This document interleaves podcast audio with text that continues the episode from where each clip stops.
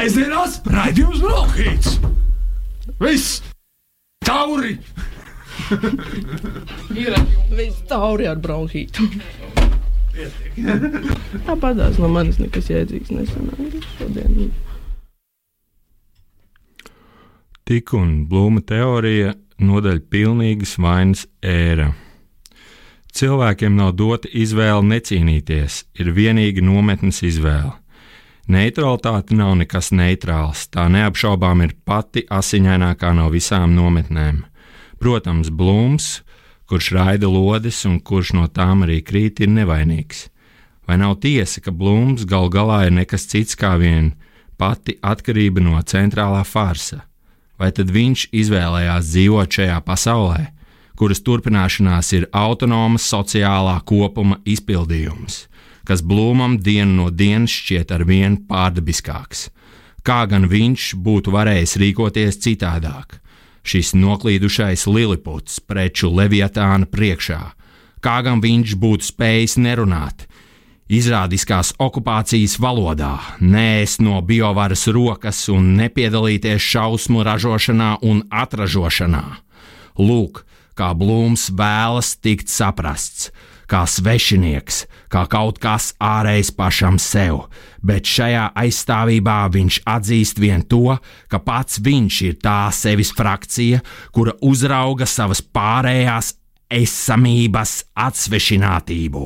Nav liels nozīmes tam, ka Blūms par savu rīcību nevar tikt saukts pie atbildības. Viņš gan nepaliek mazāk atbildīgs par savu bezatbildību pret kuru viņam ir iespēja jebkurā mirklī izteikties. Tādēļ, ka viņš ir piekritis, vismaz negatīvi, nebūtu vairs nekas cits kā viens savas eksistences predikāts. Viņš objektīvi pakļaušanas pusē. Viņš ir objektīvi pakļaušanas pusē, un pati viņa nevainība ir pilnīgākā vaina īstenota nihilisma cilvēks, kāda jēga cilvēks, kurš atbalstās uz ko tad es varu darīt pleca. Šis cilvēks ļoti maldās, uzskatot sevi par šķīstu tādēļ, ka viņš neko nav nodarījis, un tādēļ, ka daudzi citi ir tādā pašā situācijā. Tas, ka šī laika ļaudis noziegumā, kuru viņi konstituē, bez glābiņa meklēšanas piedalās visi vienādā mērā, ir izrādes inspirēts. Izrāde regulāri atzīst, ka slepkava bija parasts cilvēks, skolnieks kā visi citi, bet tā atsakās to atzīt kā metafizisku faktu, kā mums ir mācījuši Aušvicas gāzes kameru operatori. Bailes no atbildības ir ne tikai spēcīgākas par sirdsapziņu, tās dažkārt ir pat spēcīgākas par bailēm bailēm no nāves. Vergu pasaulē bez kungiem, kolaboracionistu pasaulē, īstas paklausības tirānijas pasaulē, vienkāršoto surreālistu aktu vada nekas cits kā senais tiranicīta pienākums. Nākamā nodaļa - Homo sacer. Agrāk vai vēlāk bumbas sāks, bumbas sāks krist, un mēs beidzot pārliecināsimies par to, ko esam nolieguši. To, ka vārdiem ir metafiziska nozīme. Braisa Pārens izvēles grūtības. Nebūtības pārņemtie sāk ar savu blūmu stāvokļa seku iezīmēšanu. Tajā viņi eksponē galvu reibinošu realitāti. Blūms ir sākera. Tajā nozīmē, kādā par to runā Džordžo Agambens. Tas ir blūms, ir būtne, kurai nav savas vietas nevienā no tiesību sistēmām. Būtne, kura nevar būt ne cilvēku tiesāta, ne arī to nosacīt, nosodīt, bet kur ik viens var nogalēt, neizdarot noziegumu. Blūms ir sākert tieši tādā mērā, kādā viņš sevi apzinās, kā kailās dzīvības pārņemtu. Tādā mērā, kādā viņš, līdzīgi kā koncentrācijas nometnēs musulmanis, ir vienkārši liecinieks savai tapšanai par necilvēku.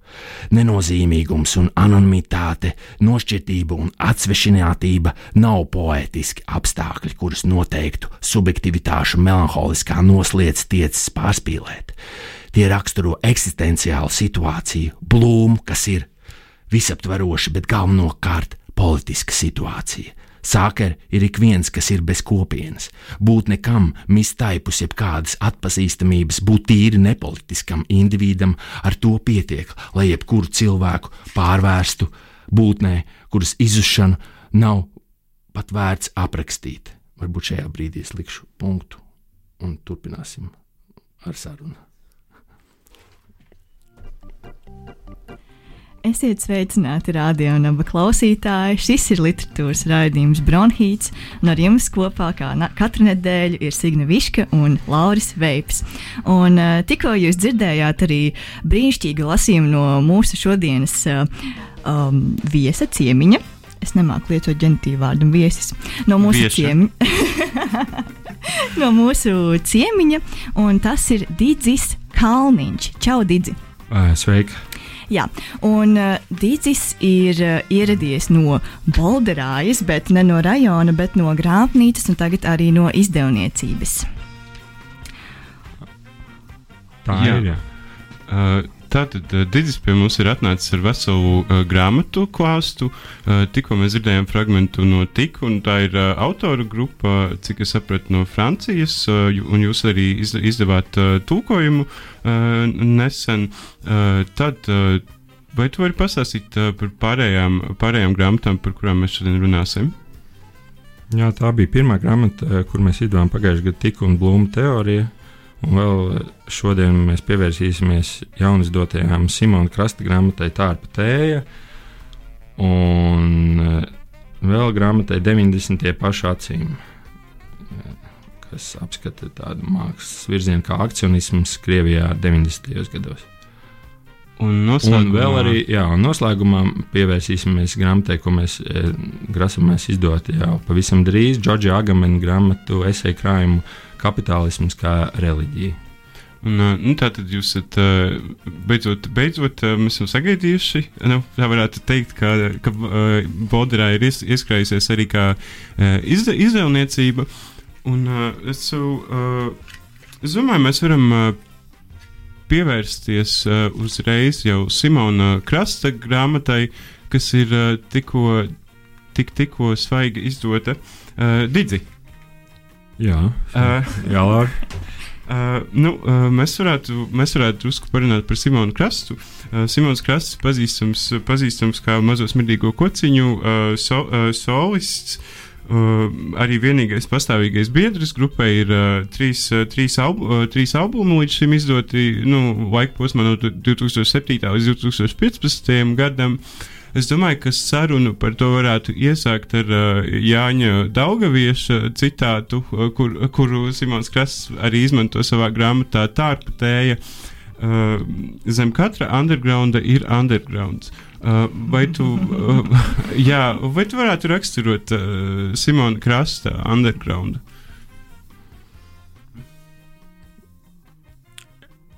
Es domāju, Simons Krasts ir eh, literatūrā ienācis no tās tumšās un neizpētītās teritorijas, kuru pārsvarā nav mm, kultūra, mm, īpaši literatūra Latvijā pieminējusi. Pirms, eh, pirms šīs grāmatas varbūt tik, tik eh, atklāti, un, un viņa undergrounds vēst par tādām parādībām, par kurām pārsvarā izvairās varbūt mm, literatūrā runāt. Mūsdienu Latvijā.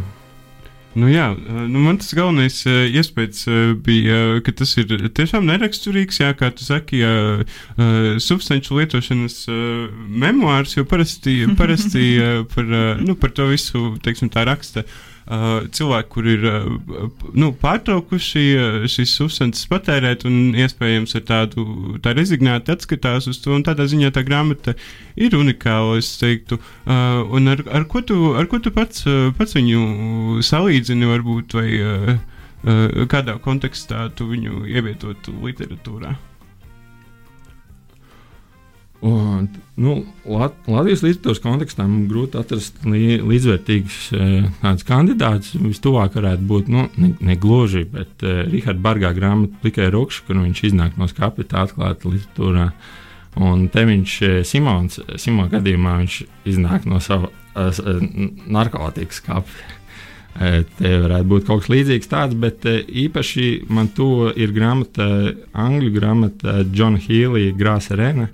Un tur eh, tas galvenais varonis, kurš ir arī pats nu, protagonists, viņš 14 gadus vai, vai vairāk bija nodzīvojies pavisam nu, sabiedrības tādā nu, pašā zemākajā iespējamajā eh, kategorijā. Viņš dzīvoja uz ielas kā bezpajumtnieks, eh, dzēra un vienīgā, saskara ar pārējo sabiedrību, bija tāda slimnīca vai cietums. Un, bet viņš kaut kādā mm, mistiskā veidā, negluži, bet uh, cietumā viņš iemācījās spēlēt šāhu, viņš tā aizrāvās ar to šāhu spēli, ka kaut kādā brīdī viņš pārtrauc uh, to savu, nezinu, rotējošo. Mm, Lejupējošo ciklu, Spirāli, spirāli, un, un, un, un uzrakstīja grāmatu, uh, kas ir ļoti tāds, liecība par to, kā ir būt tajā, tajā miglas otrā pusē. Un man liekas, īstenībā Simona grāmata kaut kādā ziņā arī ir lī- līdzīga. Tā, viņš ir tā, tā ir tāda liecība, liecība pret sevi, pret saviem tuvākajiem un pret saviem apspiedējiem.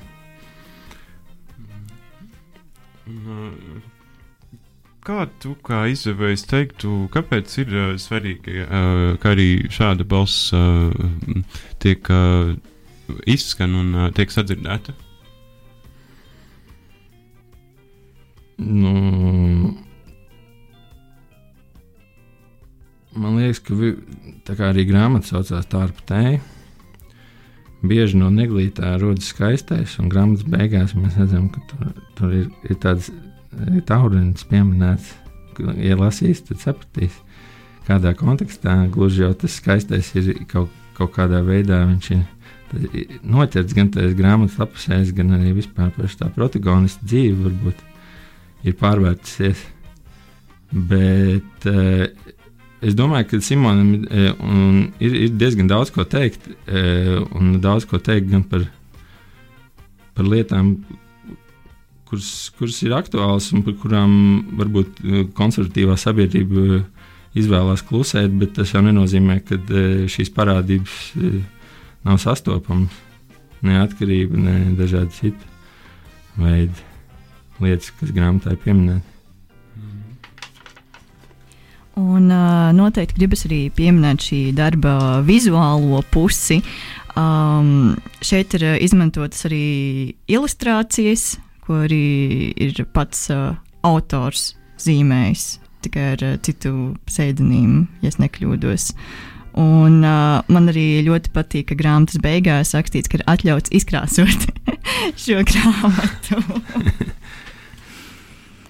Jā, e, Simons ir talantīgs mākslinieks, un manuprāt, viņam ir tas, tas e, retais e, nu, kaut kā tāds rokraksts, ne, tikai viņam raksturīgs. Un vienmēr, kad tu skaties uz kādu Simona zīmējumu, uzreiz var e, saprast, kurš, kurš tad ir tā autors. Un, mēs izmantojām viņa pašu zīmējumus, lai ilustrētu viņu ceļu tumsā vai gaismā, pretī kam es nezinu. Nu jā, nosaukums, nosaukums ir uh, ilustrācija, ir kauja pie dirzas. Uh, tā kā Jā, redz- Uh, tā- ta- tas tā ir zīmējums, tas Jā, ir piln, piln, pilnmetrāžas zīmējums. Viņa, viņa mājās kā Epidīrs 2018. gada tāds, tāds e, e, eps, ne, bet nu, kā to sauc. Liela formāta, jā, darbs. Jā.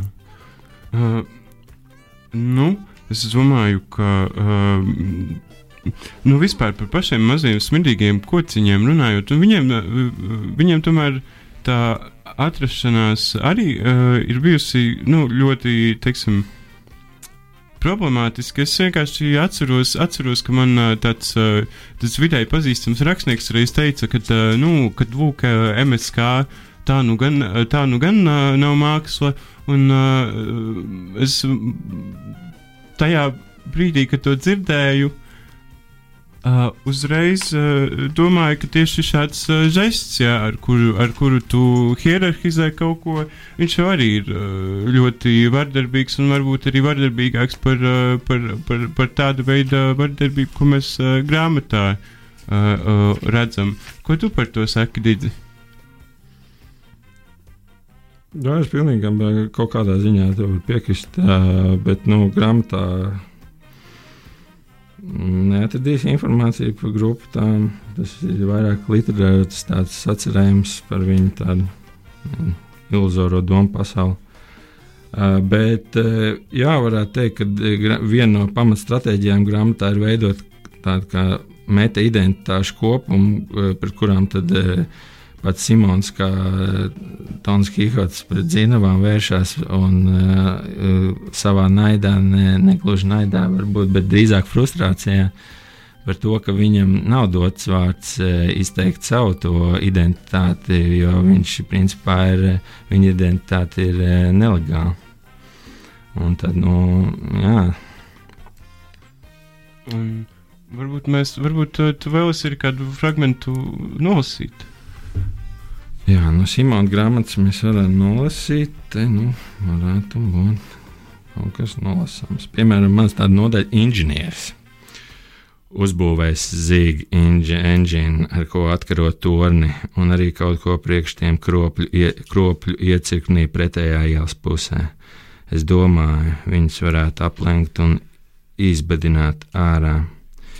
Viņi jau to ēdienu, ko dod izolatorā, nēst, ne suns, ne džankijas nēd. Kaut gan mens tieši varētu būt uz iespēju robežas zemāks par sunu un bieži vien pats džankijs, vai arī viņam ir ostošs suns, kurš ir džankijs. Tā vai tā zemiski radījumi. Viņi tur mēģina noindēt cilvēkus ar tām sārdelēm. Es lūdzu, lai man nedod ēst bet viņi sakrāva kaudzē, kas otrās dienas vakarā pēc septītās pienestās maltītes piramīdas apgāzās, un putras sardeles un smirdīgās zupas bija pa zemi, un es knapi kustoši ietinies palagā vasarā, pabaudīju trīs dienas izolatorā, tagad salīdzinoši droši vien, ja man tā izolēta būtu Jova, bet nebūtu tā kā tad, jo man likās, ka ja vēl vienu dienu es nomiršu, patiesi bija izdirs visu ūdeni no ķermeņa, un man sāka pisties asins spiediens galīgi, aizkrita ausis, tad otra, ik pa pāris sekundēm, kā lidmašīnā, tikai kā dabūja ausis atpakaļ, neuzkritoši sāpīgi. Tad uzreiz atpakaļ, un arī vēmslis sāk nākt. Nu, tiešām, blā, man tik daudz cilvēku visdažādākajos veidos jautā, kāpēc tu vairs nespēlē. Momentā varētu uz puslodzi, ha, nekas, es ar te, es ar bez tevis kaut kā, bet kad beidzot uzspēlēsim, varēsi atdzīvoties un atzīt, ka vienmēr zināji, ka, ka tā ir. Bļā. Vajag tagad dvēseli atraut vaļā. Man liekas, tā ir tā Simona uh, viena no tā, tādiem stāstījumu filigrāniem veidiem, ka viņš stāsta par vienu lietu, un viņš tā pagriež visu to, to, to, to mehānismu, ne, un viņš īstenībā izrādās par kaut ko pavisam citu. Un, kad mēs strādājam pie grāmatas, tad arī bieži īstenībā e, Simons e, iebild par kaut kādām pareizrakstības lietām, vai iebild par, kā, par kaut kādām lietām, kuras nedrīkst tur mainīt, vai kas tur ir ļoti tieši tāds, tā tam jābūt. Tā tas ir domāts, lai gan liekas, ka tur ir kaut kāda. Nu, kļūda, tāda ir pareiza rakstība, bet viņa, viņa gal galā viņa, viņa loģikā, tad, viņa tajā mehānismā, tā, tajā grāmatā tas e, nostrādā. Piemēram, iekavs, kurš atverās un nekad neaizvedās. Uh, bet, uh, un starp citu, tas pirmais, ko es lasīju, tika un blūma teorija, un tur bija pieminēts tas musulmanis kā liecinieks nometnē, tad man īstenībā Simons daudzajā ziņā liek, atgādina to, to liecinieku, Jo viņš arī stāv, eh, stāvēja vismaz grāmatas rakstīšanās, eh, nu, par ko viņš tur raksta. Tajā laikā uz, tād, uz tādām krustcelēm būt vai nebūt, dzīvot vai mirt. Un, un eh, viņam tā stāv, eksistenciālais stāvoklis ir kardināli, radikāli izmainīts. Arī tas apziņas stāvoklis var būt tādā veidā. Un, man liekas, tas tāds džankija apziņas plūsma kas tajā grāmatā ir aprakstīta. Vai tu viņu sauktu par homo sakeru? Vai? nu, savā ziņā, jā.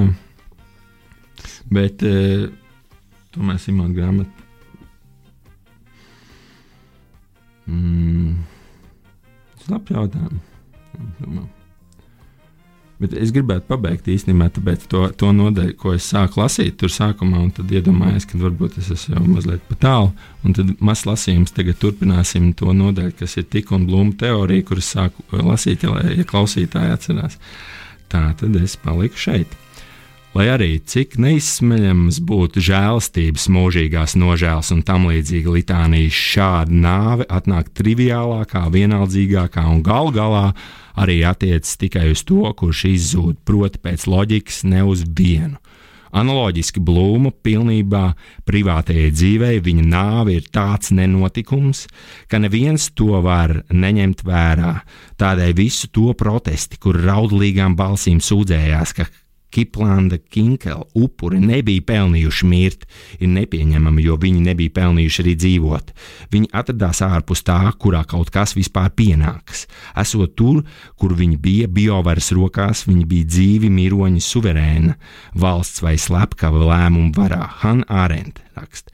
Būtu nekas vairāk kā tikai dzīvnieku sugas pārstāvim, ko sauc par cilvēku. Lūk, kas notiks ar tiem, kuri ir zaudējuši visas specifiski politiskās iezīmes un ir kļuvuši par cilvēkiem un neko vairāk. Cilvēku tiesību izzušana notiek tieši tajā brīdī, kad kāda atsevišķa persona kļūst par cilvēku vispārīgā veidā, bez aroda, bez pilsonības, bez viedokļa, bez rīcības, ar kuru tas identificējas un padara sevi par īpašu un arī parādās kā citāda, vispārīgā veidā, nereprezentējot neko citu kā vien savu absolūti unikālo individualitāti, kura kopējas pasaules iztrūkuma apstākļos, pasaules, kur tā varētu izpaust sevi, kurā tā varētu iejaukties, zaudēja kādu nozīmi - imperialisms. Blūma trimdai ir metafizisks status, proti, Tā ir efektīva visās sfērās.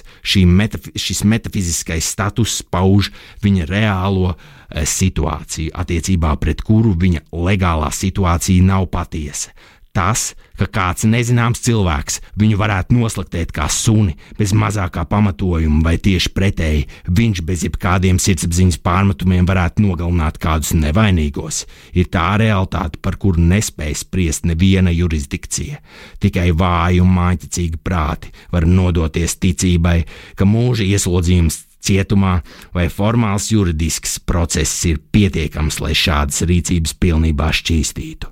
Lielākais, ko pakļaušana var darīt, ir atzīt plūma apstākļus, piemēram, izsludinot vāju maskātu ārkārtas stāvokli, kā to ir izdarījusi ASV 1996. gadā, adaptējot tā saucamo pretterorismu likumu, kurš balstoties uz slepeniem ziņojumiem pieļauj aizturēto aizdomās turamo bez apsūdzības un, ne, uz, un uz neierobežotu laiku. Pastāv zināms risks būt metafiziski neeksistējošam, neapšaubāmi, ka tieši šādu briesmīgu iespējamību paredzējuši sekmēja UNESCO vispārējo dzīvnieku tiesību deklarācijas pieņemšanu 1978. gada 15. oktobrī, kuras trešajā paragrāfā ir teikts, pirmkārt, ar dzīvniekiem nedrīkst slikti apieties vai nežēlīgi pret tiem izturēties. Otrkārt, ja ir nepieciešams dzīvnieku nogalināt, nāvei jāiestājas acu mirklī, tai jābūt nesāpīgai un dzīvniekam nedrīkst radīt baiļu sajūtu. Treškārt,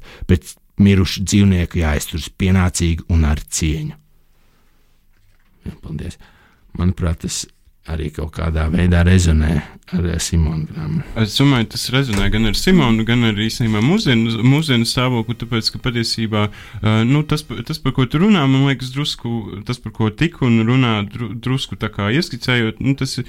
Tā, tā ir faktiski situācija arī par kuru Agam Bents, Agam Bents runā par, par politiskā izzušanu un tieši tādos apstākļos, kad viss ir pakļauts kailajai kailajai uh, dzīvībai, saucamajai, un, uh, nu, respektīvi, respektīvi tā drusku, drusku mēģinot to kontekstu iezīmēt, ka tas patiesībā ir, uh, ka šī grāmata, manuprāt, arī var palīdzēt domāt tieši par šo pašreizējo mūsu ārkārtas uh, situāciju.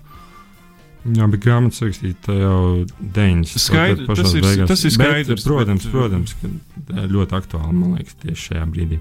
Un, uh, es domāju, ka uz brīdiņu mēs varam arī atpūsties no, no teorijas un no tārputējas. uh, tagad paklausīsimies mūziku. Jā, mazos smirdīgos uh, kociņus kā reizi.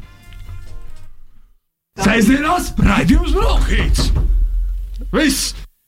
Tauri! Ir viss tauri ar bronhītu.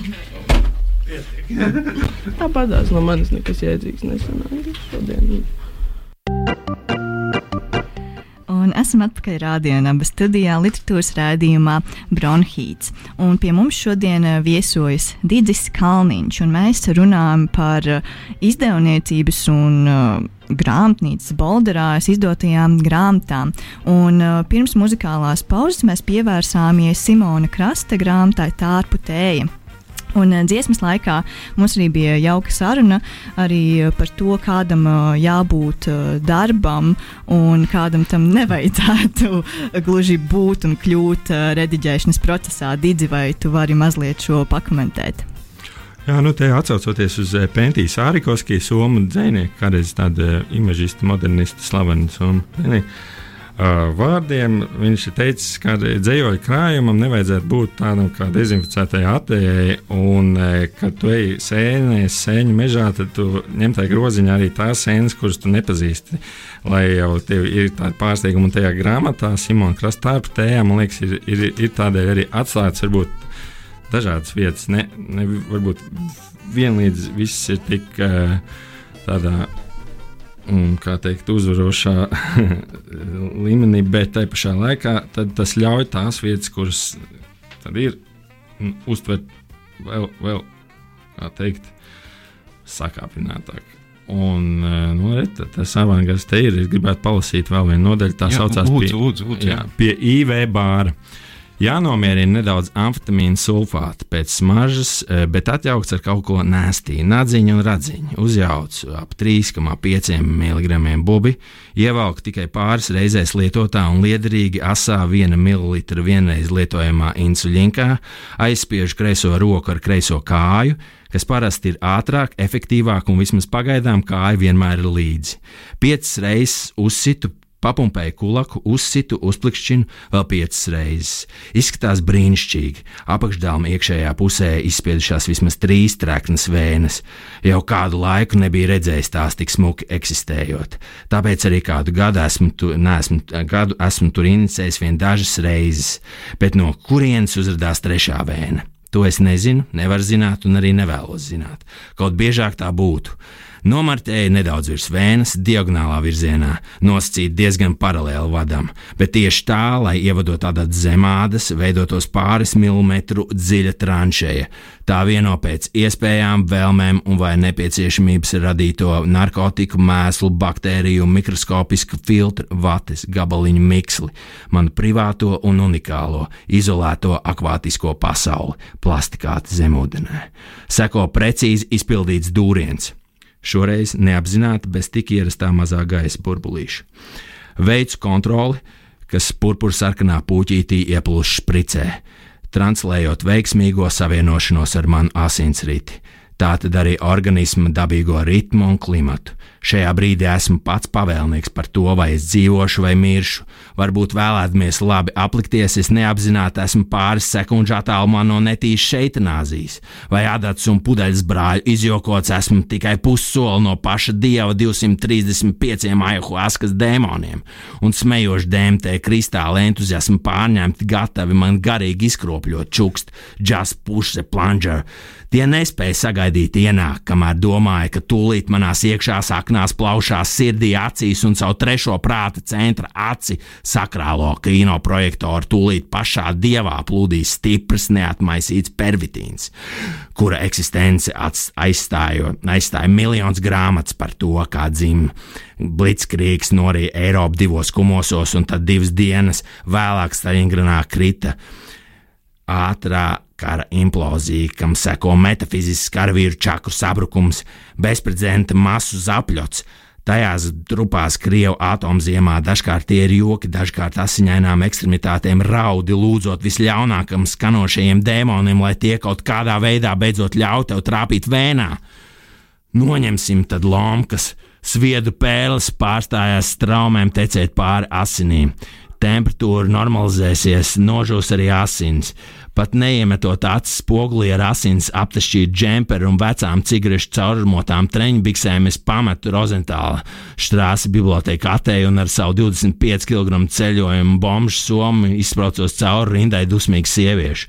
Es redzu, ka otrā kabīnē sieviešu VC šodien, saka uzraksts, un iepriekšējās pāris nedēļas piebilst atmiņas lausas out of service. Vīriešu toaletē ir tikai pisuārs un pocis ar daļu piesadzošu kārbu apkārt.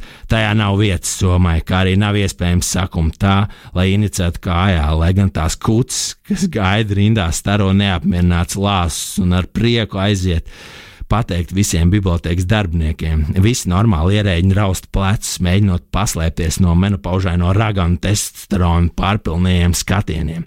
Tie jūtas vainīgi, jo viena no kabīnēm nestrādā katru reizi, kad nāk šauties.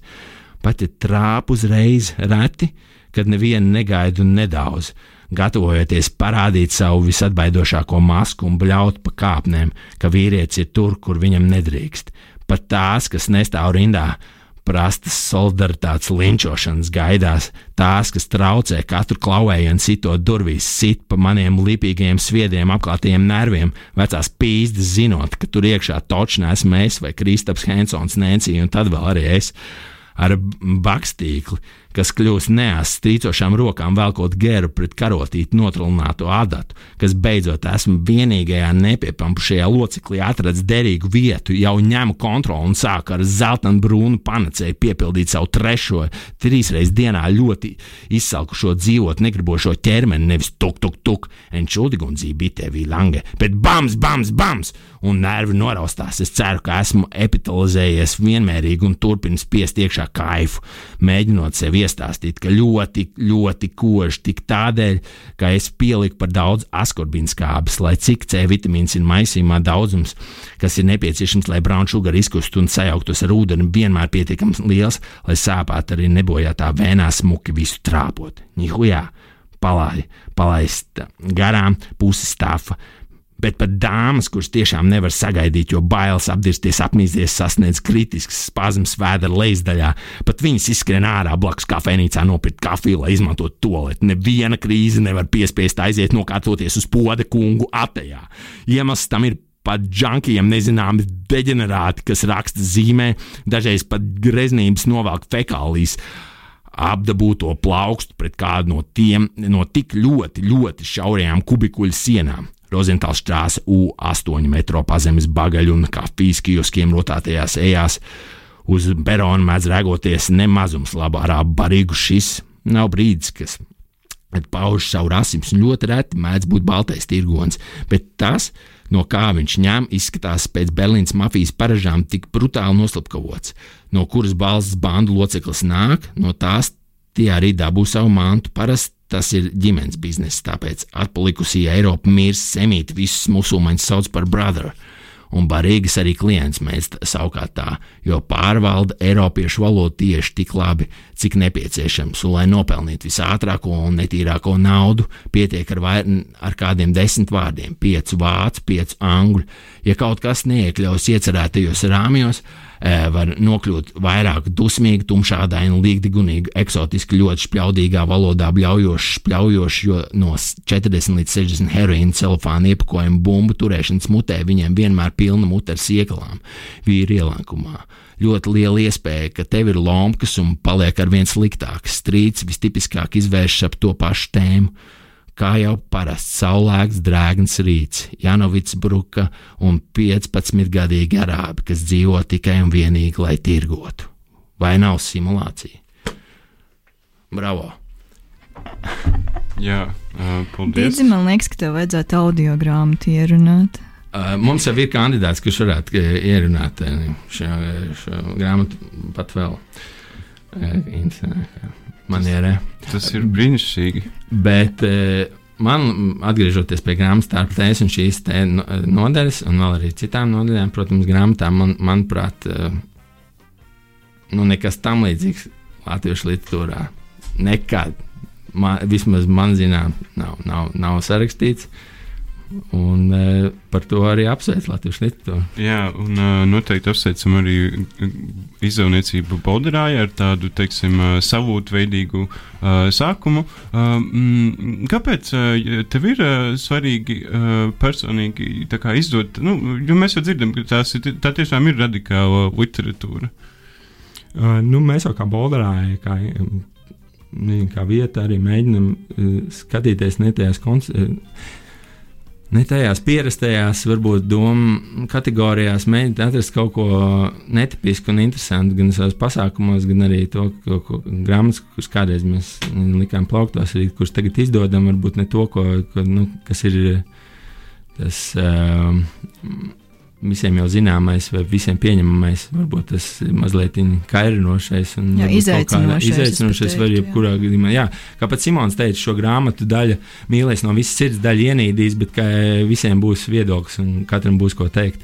Un man liekas, tas ļoti labi, kas, ka šie, šāda grāmata ir izdota latviešu valodā, jo tas veicina diskusiju par dažādām tēmām. Un, eh, un nav tā kā, piemēram, padomu laikos, kad teiciens, ka seksa nav, tad narkotika nav, vai arī atkarīgo cilvēku nav, vai nav.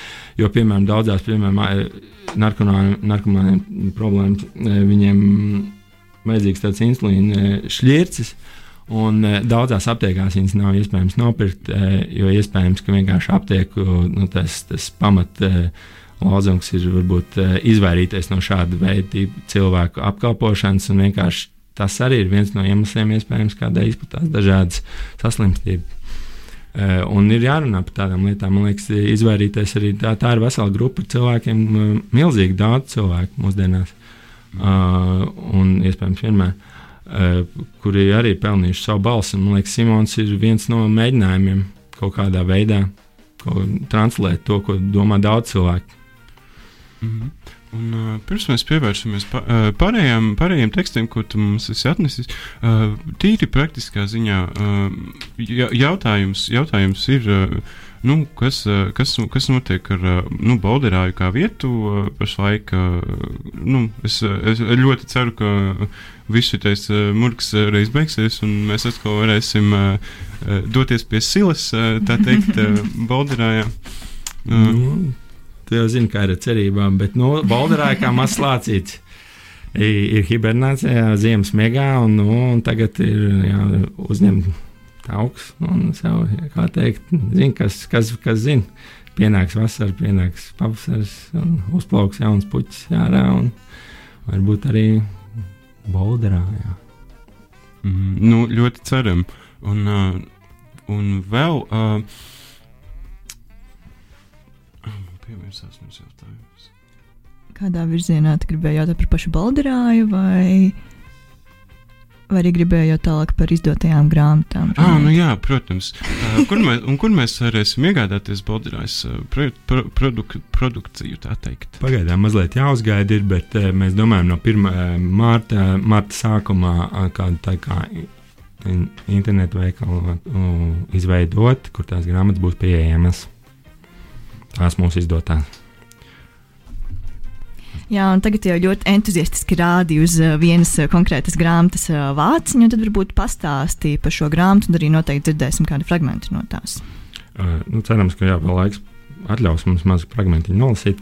Tā ir grāmata 90. pašu acīm, kas iznāca Krievijā 2015. gadā, un to grāmatu sastādījis Svetlana Basko. Viņa slavena ir arthouse režisora, ir tāda filma Zaļais zilonīts, kas zina, tie, tie zinās. Uh, iesaku atrast uh, YouTube, man liekas, ir. Uh, tā, ne, lai, lai nešokē sākums filmas, tur ir, ir vērts paskatīties tālāk. Nu, jā, viņi ir sastādījuši tādu grāmatu, kur stāsta tādi slaveni krievu mākslinieki, akcionisti par savu pieredzi, kā viņi kļuva par māksliniekiem un ko viņi darīja tajos 90. gados īpaši. Tādu mākslinieku kā Anatolijas Osmolovskis, Oļegs Mauramatī, Dmitrijs Pimenovs, Aleksandrs Brenners. Uh, Un Sergejs, kur jāatcerās, viņš gan nav mākslinieks, bet izdevējs, e, slavens tāds arī. Nu, ne, un e, te nu viņi stāsta par tiem 90. gadiem. Grāmata ir e, samērā bieza, vairāk kā 300 lapas, un tur ir nu, daži dažādi interesanti stāstīņi, pastāstīņi par to, kas un kā, un kā māksla top, un kā mākslā būtu, un kas, un, un dažādi viedokļi un iespējas. Un, jā, un to grāmatu mums labs draugs Ivers Grāvais, kurš arī ir priekšvārda autors grāmatai. Mums, e, jo viņš e, savā laikā dzīvoja vienā dzīvoklī ar vienu no, no krievu akcionistiem, kas ir e, daudz, daudzkārt pieminēts grāmatā, Avdeita Tirogajānu, kurš bija trimdā Krievi, no Krievijas aizbēdzis uz Čehiju, jo viņš vienā performancē ar cirvi daudzīja pareizes cigo ikonas. Un vairāk tie mākslinieki, kas te grāmatā tagad ir emigrējuši no Krievijas, un arī, nu, piemēram, Oļegs Maurumātī, viņš tur viņa piesita krustā vienā performancē divu, divas reizes, un viņam arī nācās paņemt teikt, pēdu, un viņš tagad dzīvo Amerikā. Uh, tad Aleksandrs Brenners ir nu, iespējams visskandalozākais no visiem tiem māksliniekiem. Viņš ir arī sākotnēji dzinieks, arī, arī Osmolovskis, arī tas iespējams visslavenākais, arī tāds tagad zināmākais mākslinieks. Ir, jā. Un ne Osmolovskis dzīvo, man liekas, Krievijā vēl, bet nu, tas Brenners tas jau gan maļās pa Eiropu kaut kur. Uh, nu, ko mēs varētu mēģināt ātri uz labu laimi atrast un palasīties, tā lai mums pavisam maz laika ir. Uh, nu, grāmata ir tiešām fantastiska. Un, jā, un tad, ja 2015. gadā, kad viņi iznāca Krievijā mazā tirāžā, tad mēs dabūjām uh, savu mazu daļu grāmatas arī uz Latviju. Un Ivars novadīja burvīgu prezentāciju un, un lekciju par to. Tāpat arī pagājušā vasarā mums izdevās tādu mazu uztaisīt. Bet, nu, kā jau visu iemeslu dēļ, tā cilvēka apmeklētība nebija tik liela, bet nu, beig galā mums ir izdevies nonākt pie, pie tulkojuma, un, iznāk, un grāmata ir arī šeit un būs drīz pieejama arī lasītājiem ļoti silti iesaku visiem interesantiem gan par alternatīvo kultūru, gan par mākslu, gan par dažādu veidu uh, nezinu, kultūras parādībām. Uh, tieši 90. un mūsdienās. Jo, nu, tas tas tāds teksts, kāds, kāds arī reti, parādās. Tagad, nu, tā, ko mēs te varam palasīt, uh, papromēsim atrast. Lasīšu uz labu laimi vienkārši kaut ko. Brennera akcijas man vienmēr ir bijušas svešas, kaut gan man patīk tas, ko viņš ienes mūsu grāmatā. Savā mākslā viņš man šķiet pārāk plakans. Viņš nemaina īstenību, bet strādā uz publikas reakciju. Man tuvāk ir cita pozīcija, kaut ko izdarīt un pēc tam ar to dzīvot. Maura Matītajā laikā vairāk draudzējās ar Toļiku. Arī viņu mēs satikāmies. Nu, zini, interesanti. Zini, kā viņi viens otru pazīst daudz, nu, ļoti tuvu draugi, kā, kādā no dzīves brīžiem bijuši. Un, bet viņi noliek viens otru. Tā, tas nav mākslinieks. Tas tur vispār ir galīgi sīkbožais. Tas neko nesaprot. Un, ļoti labi. Es mēģinu atrast kaut ko tādu labāku, bet nevaru atrast. Es, es, es domāju, ka. Varbūt mums nemaz nav laika tam. Jā, un nu, Agambens. Agambens ir pelnījis, lai klausītājiem palasīt, ir noteikti zināmāks. Un... Kaut kādā ziņā, jā, lai gan nu, var, tas Brenners, jā, viņš kļūst slavens ar to, ka viņš uz, uzzīmēja dolāru zīmi uh, zem Maļēviča māna kvadrāta uh, Amsterdamas muzejā un pasēdēja cietumā kādu laiku pēc tam. Uzrakstīja vairākas grāmatas, bet nu, viņš pirms tam, ja, protams, Krievijā labi zināms. Visi viņi labi zinām mākslinieki. Un tur arī par citiem visiem. Uh, to pašu Oļegu Kuļiku daudz stāstu un tā. Jā, nu, labi, tā kaut kā. Mm -hmm. uh, un uh, tad uh, nu, pēdējā, pēdējais teksts, ko tu pie mums esi atnesis, ir uh, uh, Agambena uh, es, esejas un uh, lekcijas, cik es sapratu. Jā, tas ir tāds uh, esēju un lekciju krājums, kapitālisms kā reliģija. Pagājušajā gadā Laikmīgais mākslas centrs izdeva tādu esēju krājumu, Džordža Agambena esejas. Un, nu, šis ir tāds turpinājums iz, izvērst tās domas, kas jau ir tajās esējās pieminētas. Piemēram, viņam ir tāds, tāda esēja, kas ir dispozitīvs, tas ir Foucault termins. Un, nu, tad viņš te runā arī par tādām lietām, kas te ir interesantas. Un es gribētu nolasīt fragment no lekcijas, ko viņš ir nolasījis Atenās par atceļošā spēka teoriju. Pārdoms par demokrātijas likteni šodien un šeit Atenās – À, nu, to viņš nolasīs 16. novembrī 2013. gadā, lai nerodas pārpratumu. Pārdoms par demokrātijas likteni šodien un šeit Atenās ir savā ziņā satraucošs, jo tās liek domāt par demokrātijas beigas, domāt demokrātijas beigas tieši tajā vietā, kur tā radās. Vēlos izvirzīt hipotēzi, ka dominējošā valdība, valdība paradigma Eiropā šodien ir ne tikai nedemokrātiska, bet tāpat nevar tikt uzskatīta par politisku. Es mēģināšu parādīt, ka Eiropas sabiedrība šodien vairs nav politiska sabiedrība, tā ir kaut kas pilnībā jauns, kaut kas, kam mums nav piemērotas terminoloģijas, un tādēļ mums ir jārada jauna stratēģija. Atļaušos sākt ar jēdzienu drošība, security, kas kopš 2001. gada septembra ir šķietami aizstājis jebkuru citu politisku konceptu.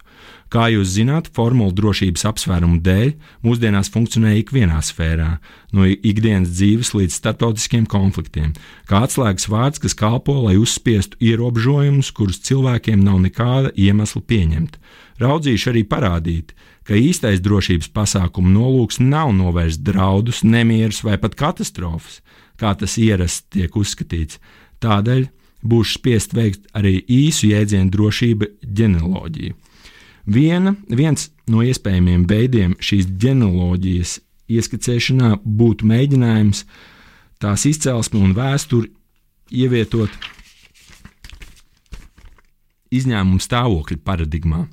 Šajā skatījumā mēs tad varētu to izsekot līdz romiešu principam salus publikas suprema lex. Sabiedriskā drošība ir augstākais likums, un saistīt to ar romiešu diktatūru, ar kanonisko principu. Nepieciešamība neatzīst nevienu likumu, ar komitē de salute publique. Franču revolūcijas laikā un visbeidzot ar Veimāras republikas 48. pantu, kas kalpoja par juridisku pamatojumu nacisma režīmam.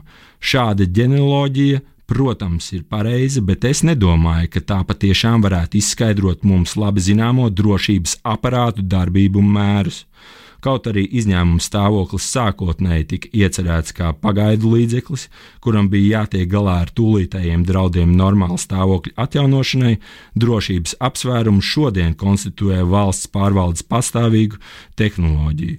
Kad 2003. gadā es publicēju grāmatu, kurā mēģināju parādīt to, kā izņēmuma stāvoklis rietumu demokrātijā kļūst par normālu valsts pārvaldes sistēmu, es nevarēju iedomāties, ka mana diagnoze izrādīsies tik precīzi. Vienīgais atbilstošais precedents bija nacisma režīms, kad Hitlers 1933. gada februārī pārņēma varu. Viņš nekavējoties pasludināja dekrētu, kas apturēja Veimāras konstitūcijas pāntu darbību attiecībā uz personīgajām brīvībām. Personīgajām brīvībām.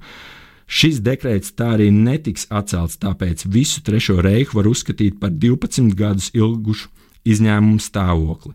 Šobrīd notiekošais tomēr ir atšķirīgs. Oficiāls izņēmuma stāvoklis nav pasludināts, un tā vietā mēs redzam, ka tāds neskaidrs juridisks koncepts kā drošības apsvērumi tiek izmantota, lai iedibinātu glūnošā un fiktīvā ārkārtas stāvokļa stabilu pastāvēšanu bez jebkādiem skaidri identificējumiem draudiem.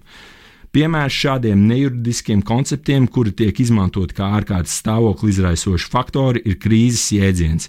Bez sprieduma juridiskā nozīmes tiesas procesā vēsturiski šajā terminā, kas, kā jums ir zināms, ir cēlies no grieķu darbības vārda krino, saplūst divas semantiskās tradīcijas medicīniskā un teoloģiskā.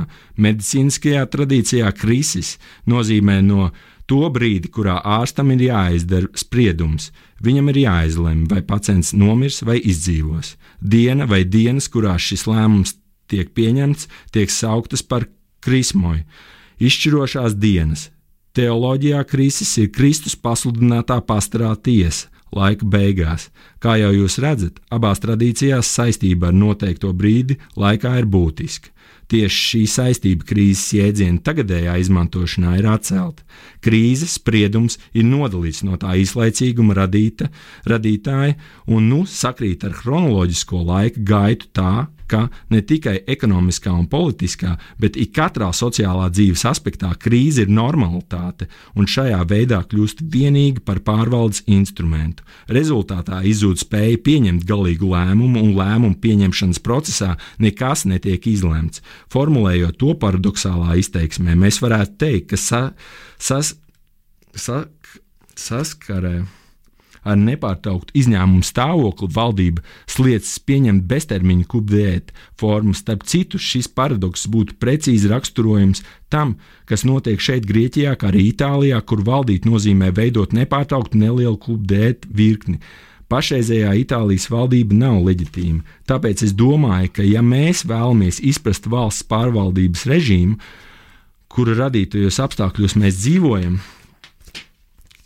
izņēmumu stāvokļu paradigma nav gluži atbilstoša. Tālāk es sekošu Mišela Foucault ieteikumam un izpētīšu drošības jēdzienu izcelsmi mūsdienu ekonomikas sākuma punktā, sākot jau ar Frančiskā Kenē un fiziokrātiem, kuru ietekme uz mūsdienu valsts pārvaldību nav pārvērtējama.